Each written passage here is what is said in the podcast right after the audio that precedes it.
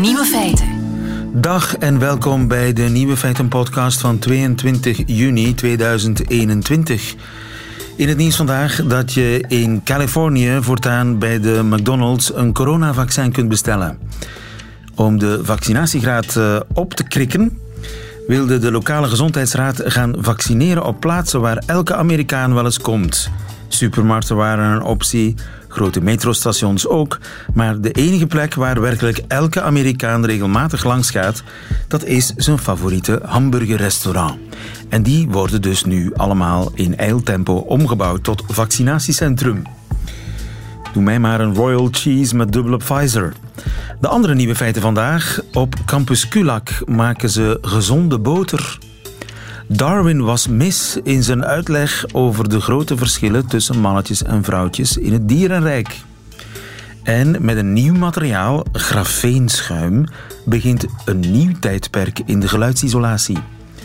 De nieuwe feiten van Nico Dijkshoorn hoort u in zijn middagjournaal. Veel plezier. Nieuwe feiten. Ah, niets is zo lekker toch als een goede oude katrekaar, op grootmoederswijze natuurlijk.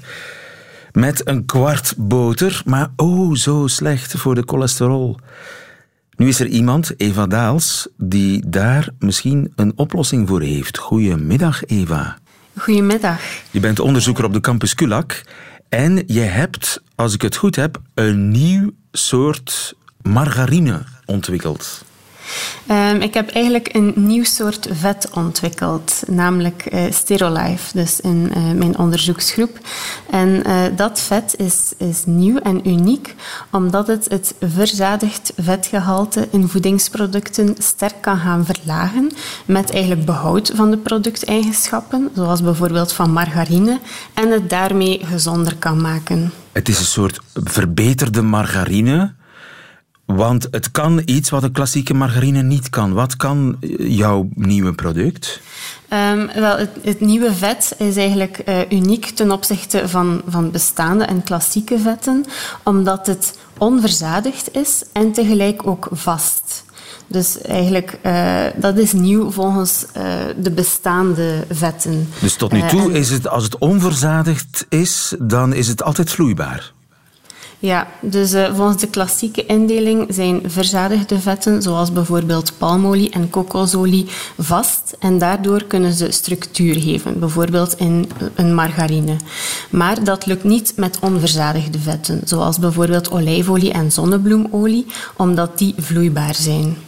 En dus als ik een cake bak, dan gaat dat niet met de klassieke onverzadigde vetten?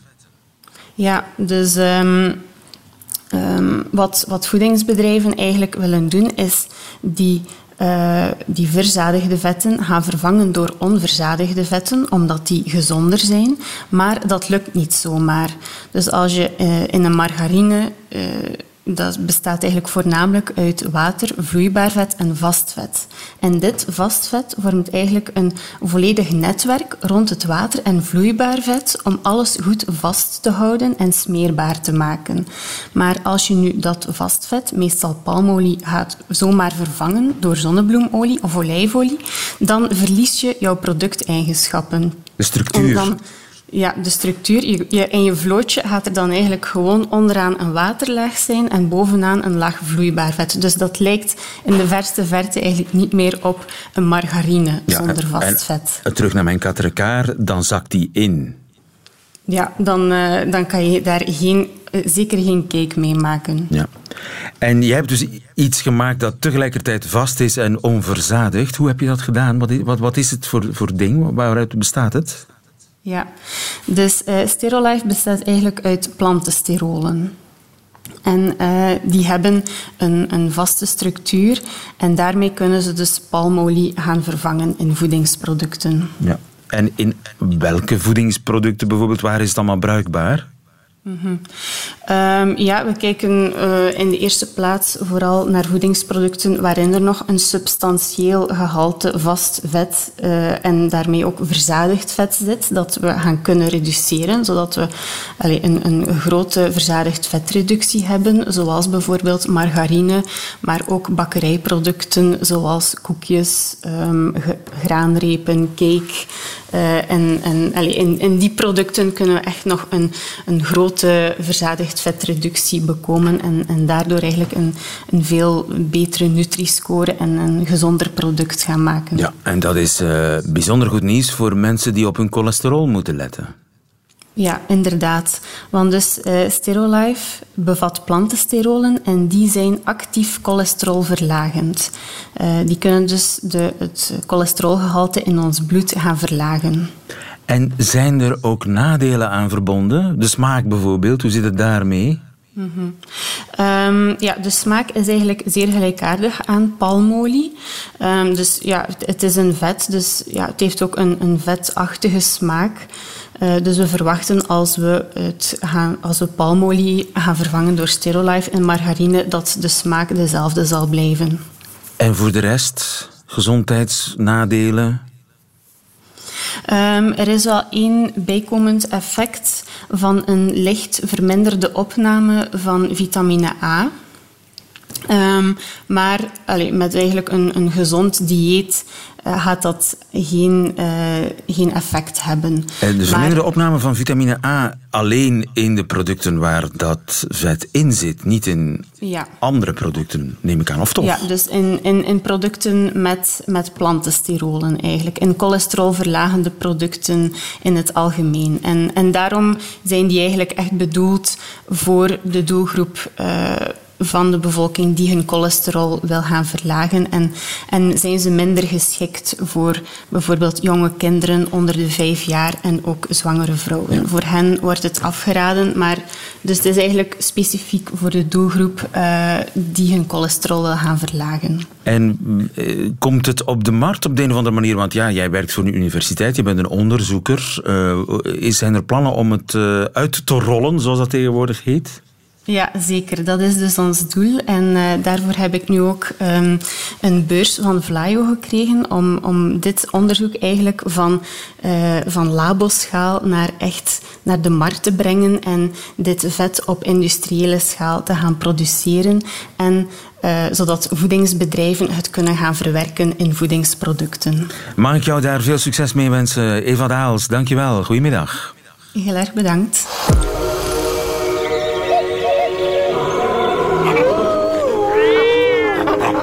Nieuwe feiten. Darwin was mis. Niet over de hele lijn natuurlijk, want de survival of the fittest, dat blijft uiteraard eh, de grondwet van de evolutie. Maar over iets heel specifieks. Namelijk de verklaring van de grote verschillen tussen man en vrouw. Dirk Drouwlands, goedemiddag. Goedemiddag, lieven. Onze huisbioloog. En bij de mens valt het nog mee, hè, die verschillen tussen man en vrouw? Ja, dat is 15 procent. Dus de mannen zijn iets groter en zwaarder dan vrouwen gemiddeld. Wat een signaal zou zijn van een vorm van competitie tussen mannen om aandacht van de vrouwen. Maar bij sommige dieren is het extreem, hè? dat verschil tussen man en vrouw?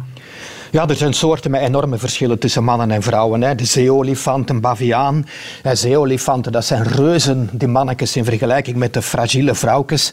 En dat zijn dan dikwijls haremdieren. Dus waar dat het belang van de grote afmetingen voor de mannen enorm is in het monopoliseren van de toegang tot de vrouwen. Dus de druk om altijd maar groter te worden is bij die soorten gigantisch geweest. Er is zelfs zoiets als de groene lepelworm, las ik ergens, waarbij het verschil tussen vrouwtjes en mannetjes ja, factor 10 of zelfs 100 is. Ja, dat is, dat is, nog, dat is dan omgekeerd. Hè. Daar zijn de vrouwen de grootste.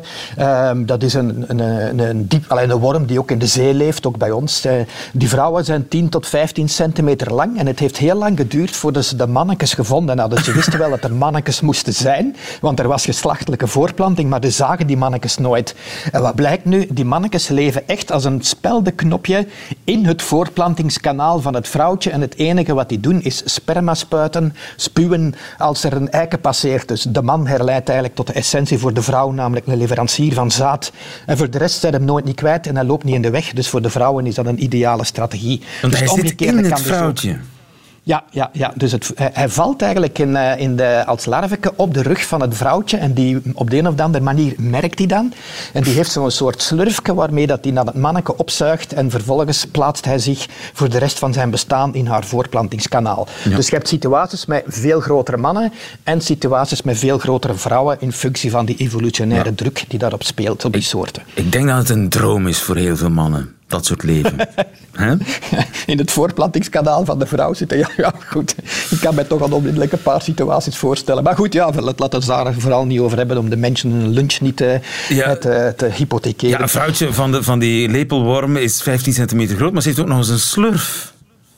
Ja, van, van die, van, van, van bijna een, soms een halve meter, die als een soort stofzuiger gebruikt om, uh, om uh, ja, eten te zoeken op de zeebodem. Maar ze kan die dus ook gebruiken om op haar eigen rug, een manneke, waarvan dan niemand eigenlijk goed weet hoe dat ze voelt dat die daar opgevallen is. Het, uh, dat zal iets hormonaal zijn waarschijnlijk. En dan zuigt ze die op en heeft ze die voor de rest van, van haar dagen bij zich. En hij loopt niet in de weg, hij eet niks, hè, want hij is klein. Dus het, het, is eigenlijk de perfecte situatie vanuit het standpunt van de vrouw bekeken. Ja, de natuur heeft dat toch allemaal prachtig geregeld. Nu, Darwin was mis, zei ik net, omdat hij had een verklaring voor die grote verschillen tussen man en vrouw. Wat was zijn verklaring?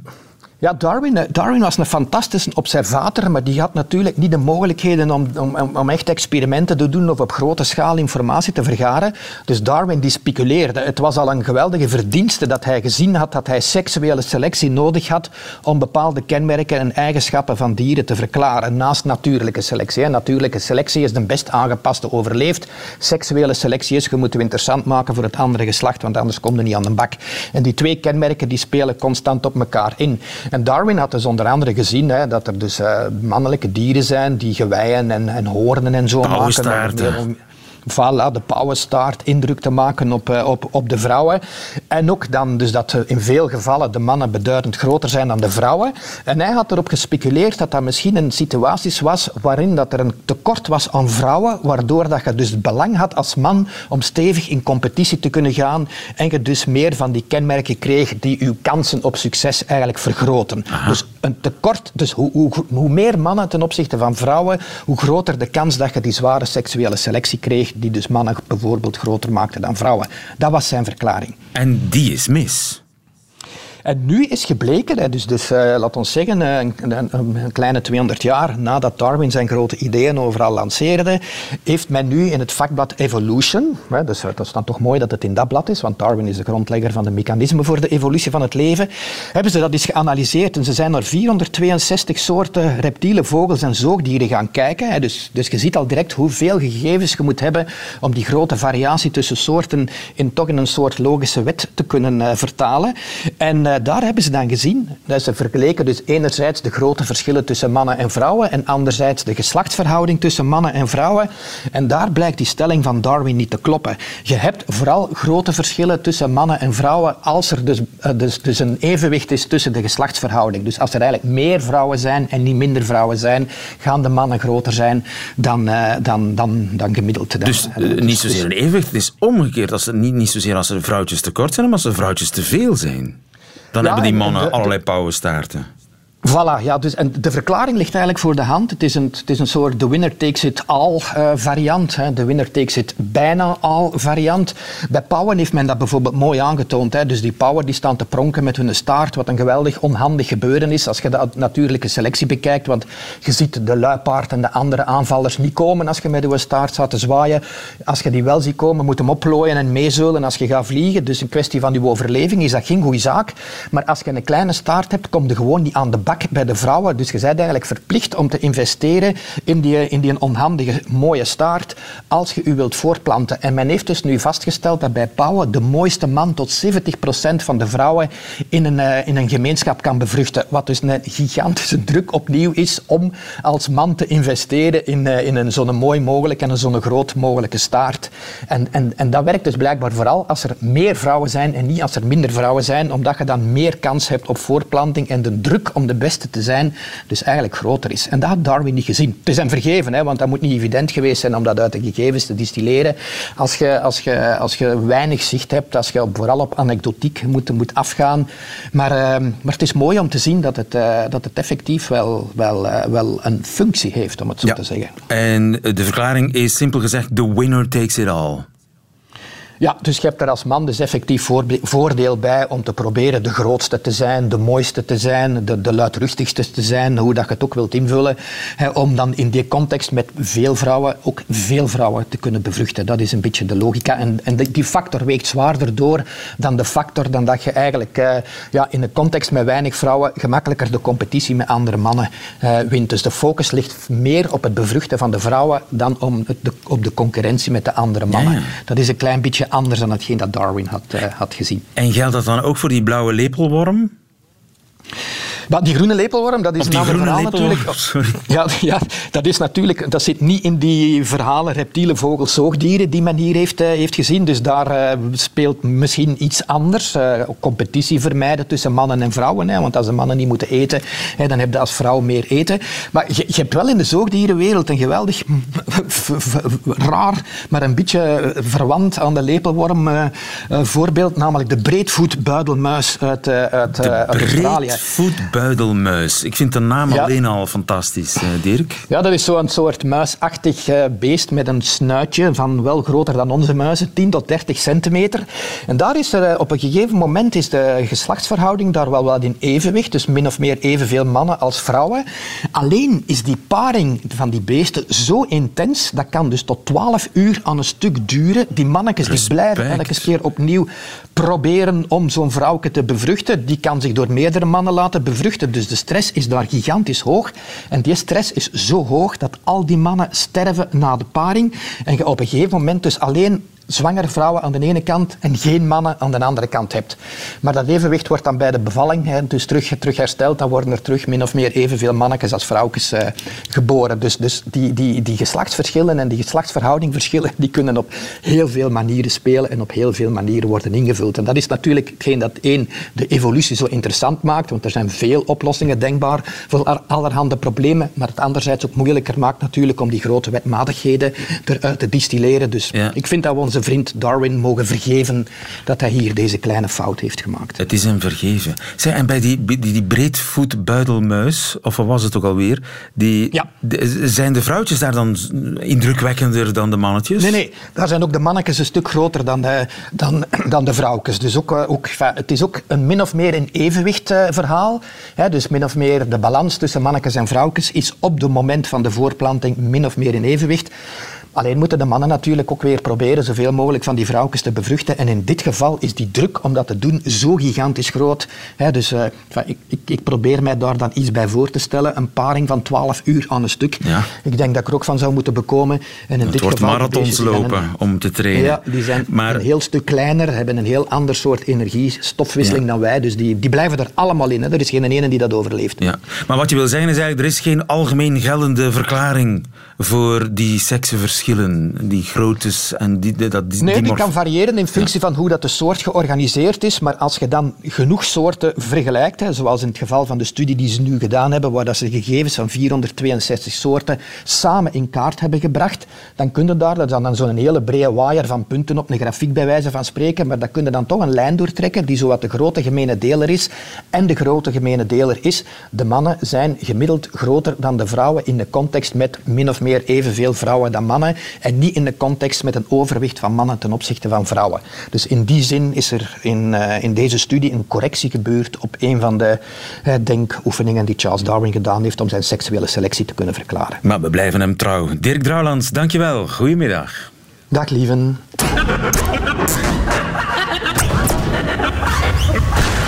Nieuwe feiten. Een vliegtuig dat niet meer lawaai maakt dan een forse haardroger. Is dat een roze droom of zou dat toch ooit kunnen? Wel, misschien dankzij een nieuw materiaal. Dirk van Dijk, goedemiddag. Goedemiddag, Leven. Professor fysica aan de Universiteit van Antwerpen. Ja. Collega's van u aan de Universiteit van Bath in Engeland die hebben een nieuw soort ja, meringue-achtig materiaal gemaakt op basis van grafeen. Wat is grafeen ook alweer? Uh, grafeen is, is een, een, tweedimensionaal koolstofmateriaal. Dat ligt in een oneindig dun laagje, maar is enorm sterk. Is redelijk recent ontdekt en in 2010, ongeveer tien jaar geleden, is daar de, Nobelprijs voor toegekend aan André Gam en uh. Dus dat is een heel, een heel nieuw materiaal, maar in die laatste tien jaar is er enorm veel onderzoek verder naar gedaan naar mogelijke toepassingen. Zowel in de elektronica, herinner nieuwe batterijen, maar ook in, uh, in de mechanica, membranen voor waterzuivering en dergelijke. En nu ook uh, een nieuwe ontwikkeling voor uh, geluidsisolatie. Geluidsisolatie, want daar gaat het om. En ze hebben met grafeen een soort van schuimgebak gemaakt. Zo is het. Zo is het. En, uh, en, en het is niet zomaar een schuimgebak. Het is natuurlijk zo dat om goed geluid te isoleren uh, heb je materiaal nodig dat heel poreus is, met heel veel uh, luchtbelletjes. Hè, omdat de lucht geleidt veel minder goed het geluid dan het materiaal zelf. Hè, bijvoorbeeld piepschuim dat, uh, dat die weegt maar 20 kilo per kubieke meter. Hè. Dat is ongeveer 50 keer lichter in dichtheid dan, dan in water. Dan water bijvoorbeeld. Dat is heel licht. Maar dat is, dat nog niet genoeg. Dat, dat isoleert uh, geluid al behoorlijk goed, is heel licht. Maar het isoleert veel beter de hoge tonen dan de lage tonen. En wat is nu storend? Ja, als er een vliegtuig overvliegt bijvoorbeeld, zowel, of een helikopter, een propellervliegtuig, straalvliegtuig, want ook een straalvliegtuig, dat, dat stoot lucht uit en die lucht die, die turbuleert, die, die, trilt. En het zijn die trillingen die de lage tonen geven, die zijn enorm moeilijk uh, te isoleren. Dus je kan die heel moeilijk uit je gebouw houden. Ook uh, bijvoorbeeld uh, dubbel, dubbelwandig glas, daar zit ook lucht in, dat isoleert ook goed geluid, maar ook niet de hoge tonen. Dus er is echt nog nood aan materiaal dat ten eerste nog lichter is, dus nog meer lucht bevat, nog minder stof. Men noemt dat een aerogel. Een aerogel, dat is een lucht met, met tussen een, een, vaste stof, maar heel weinig, dus heel veel lucht. Maar ook dat die in staat is om de lage tonen uh, ja. tegen te houden. Want ook van dubbel glas is het vooral de, de hoge tonen die geïsoleerd worden en niet de lage tonen. Ja, en de reden is eigenlijk zo. Hè.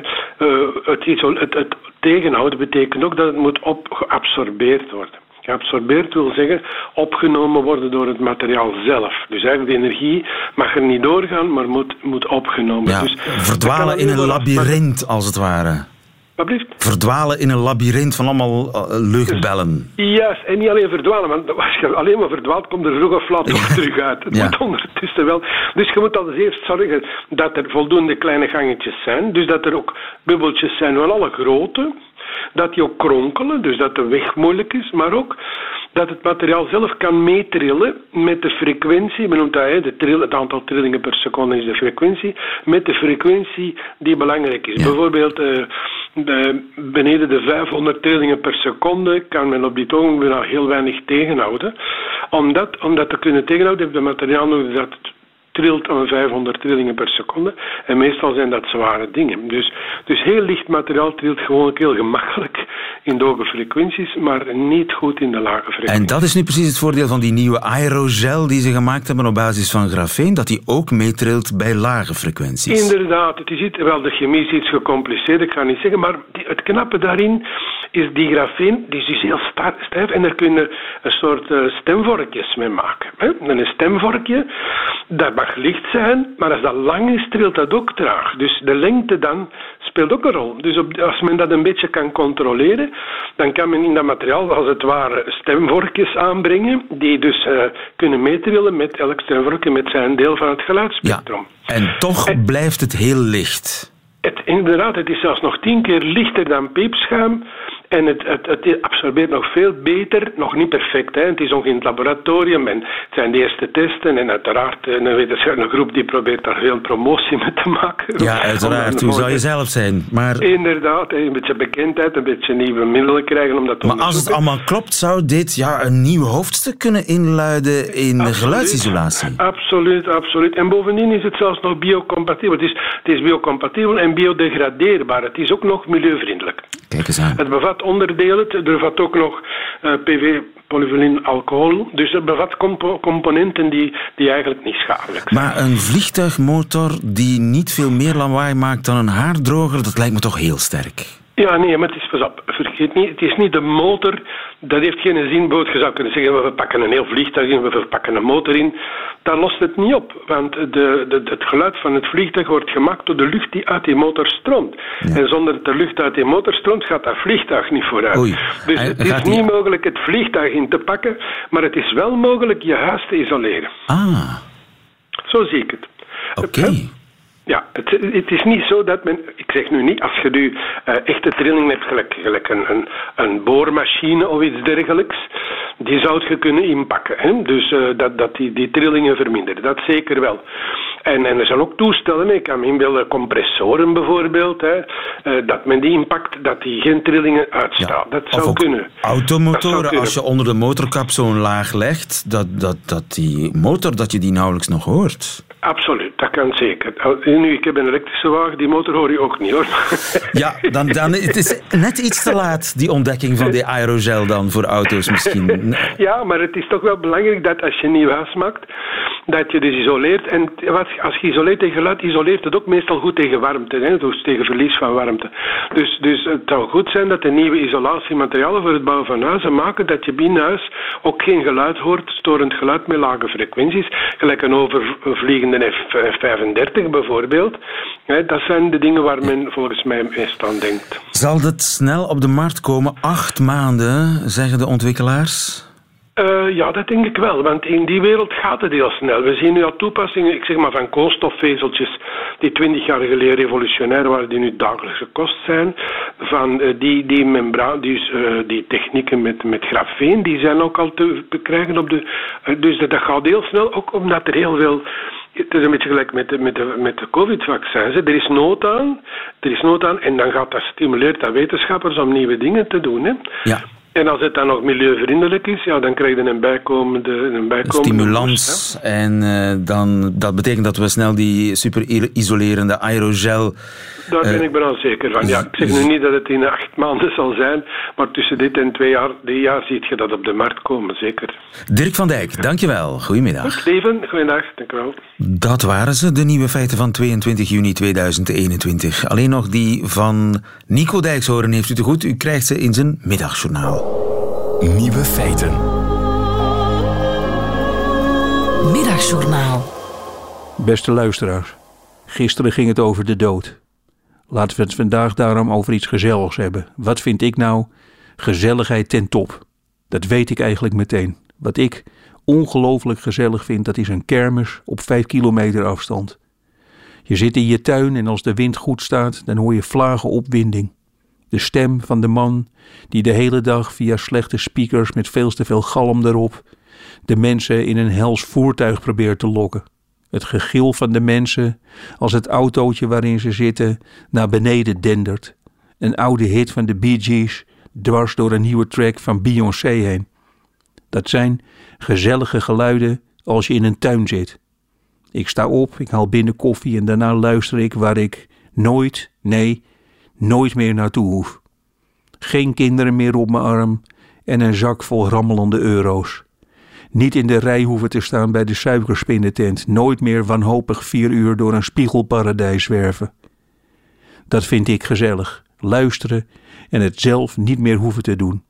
Er was een tijd dat ik wel graag naar de kermis ging. Gezellig zou ik het niet willen noemen, maar ik genoot wel erg van het fotoschieten. Mijn vader met één oog dicht en ik vlak naast hem op de arm van mijn moeder. De foto zelf is het bewijs dat hij raakschoot. Ergens in Nederland moeten er ongeveer 34 van die Polaroid-foto's liggen. Ik, met een heel leuk jasje aan, naast mijn vader die schiet. Het doet mij denken aan een van de mooiste en fijnste boeken die ik bezit.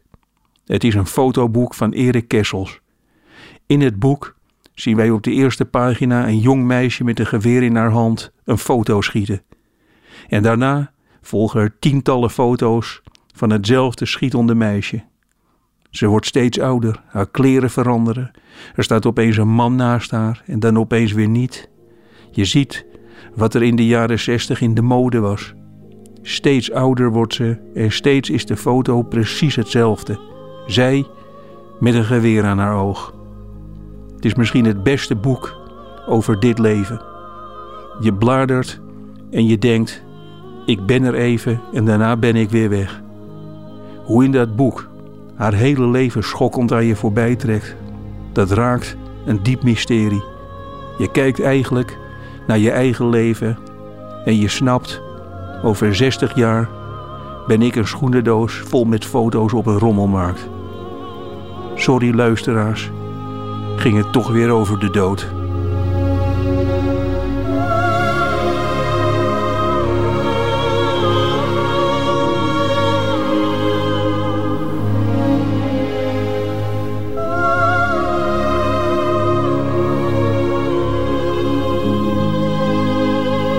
Middagjournaal met Nico Dijkshoorn. Einde van deze podcast. Hoort u liever de volledige uitzending met de muziek erbij? Dat kan natuurlijk ook via radio1.be of via de Radio 1 app. Tot een volgende keer.